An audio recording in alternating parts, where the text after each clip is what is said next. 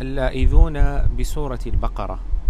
الحمد لله الحديث عن سورة البقرة حديث ذو نكهة خاصة فريدة وساحرة. إنها سنام القرآن أي أعلاه كما جاء عن ابن مسعود رضي الله عنه. ولها منزلة خاصة عند الصحابة وسطوة ظاهرة عليهم.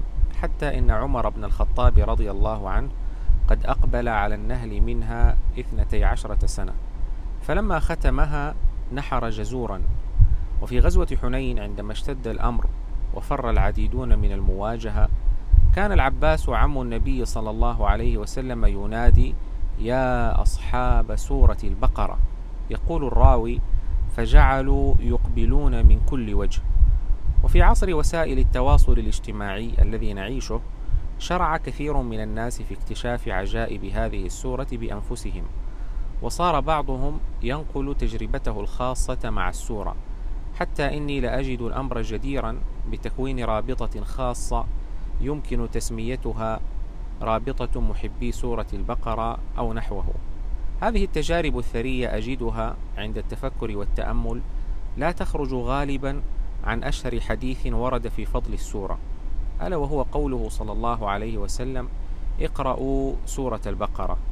فإن أخذها بركة وتركها حسرة ولا تستطيعها البطلة. رواه مسلم وغيره. وعليه فسأنثر شرحا على الحديث مقرونا ببعض التأمل ممزوجا بما وقفت عليه من حكايات الناس مع هذه السورة العجيبة. وبعض هذه التجارب أنقلها لكم مباشرة من أفواه أصحابها. أما صدر الحديث فهو واضح. اقرأوا سورة البقرة. وأما لماذا نقرأ سورة البقرة فهذا هو محور الشرح. أولا أخذها بركة. والبركة تعني كثرة الخير وثباته واستمراره. ومن كرم الله أن البركة هنا جاءت مطلقة غير مقيدة بجانب معين من جوانب الحياة دون غيره. ويشهد له واقع اللاجئين إلى هذه السورة. فمن الناس من حصلت له البركة في رزقه. فانقضت ديونه بعد أن كان غارقا فيها أو ازدهرت تجارته بعد كسادها. ومنهم من حصلت له البركة في تفتيح مغلق في حياته كزواج بعد عنوسة أو حمل بعد عقم. ومن الناس من حصلت له البركة في طلب العلم ومنهم من حصلت له البركة في مهنته ووظيفته أو علاقاته بزوجته وأبنائه. وكل ذلك وفق حكمة الله وخيرته لعباده وعلمه بما يصلحهم في دينهم ودنياهم. ومن جوانب البركة التي يكاد يشترك فيها جميع من لزم هذه السورة البركة الداخلية حيث يجد القارئ في نفسه من السكينة والسلام الداخلي وانشراح الصدر والقوة النفسية ما جعل بعضهم لا يكاد يتركها بقية حياته. وكم وقع في نفسي من الغبطة عندما علمت عن رجل وقع في غرام هذه السورة العظيمة فلزم قراءتها كل يوم وله على هذه الملازمة عشر سنوات إلى يومنا هذا. وهؤلاء المحظوظون بسورة البقرة ليسوا جميعا من فئة المتدينين كما قد يظن بعض الناس بل هم على درجات متفاوتة لكنهم مشتركون جميعا في الإقبال على هذه السورة المعجزة وتخصيص جانب مهم من حياتهم اليومية لها.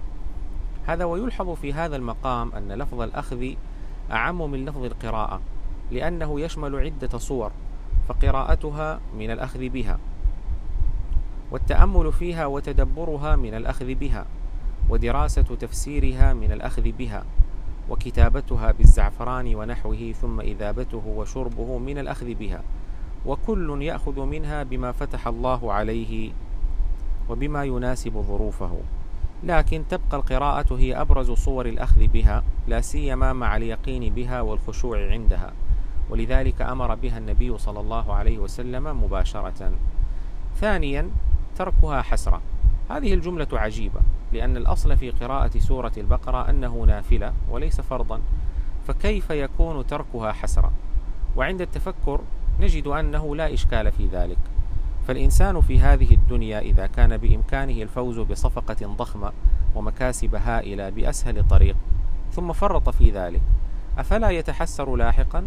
بلى فكذلك الأمر مع كنوز الخير والأجر التي جاءت الإشارة إليها في نصوص الوحيين إذا تركها المسلم بدون عذر فسيأتيه يوم يعض فيه أصابع الندم بلا شك ثالثا لا تستطيعها البطلة هذه الخاصية الثالثة تدل على أن للسورة أثرا خاصا بالأمراض الروحية وأنها حصن حصين ميؤوس من اقتحامه بالنسبة للسحرة. والبطلة هنا من ألفاظ العموم فلو اجتمعت عليك سحرة الدنيا كلها باختلاف أنواعهم ومدارسهم وشياطينهم وخدامهم فلن يقدروا عليك ما دمت لائذا بهذه السورة. إن شر السحر يتعاظم في زماننا هذا لأسباب. منها أنه ليس مجرما في أكثر دول العالم. وحتى في الدول المجرم فيها فإن إثباته صعب لأنه يختلف في طبيعته وأدواته ووسائله عن الجرائم الأخرى المعروفة كالقتل والسرقة ونحوها مما تجيد الدولة الحديثة التعامل معه. ولأن السحرة الآن قد يختلفون عن الصورة التقليدية التي تتبادر لأذهان معظم الناس عند سماعهم عن الساحر.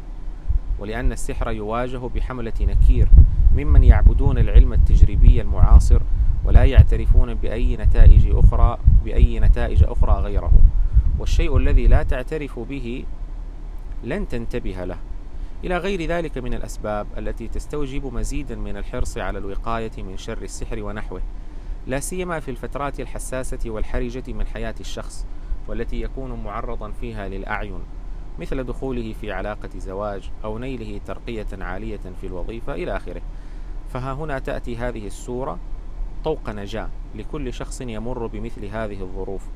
وفي اليوتيوب وغيره عشرات القصص لأثر السورة العجيب في الحفظ والبركة لمن لازمها. فلا تفوتها أيها المتفكر. تنبيه كل العبادات والأسباب يؤمر الإنسان بالبذل فيها بحسب الاستطاعة.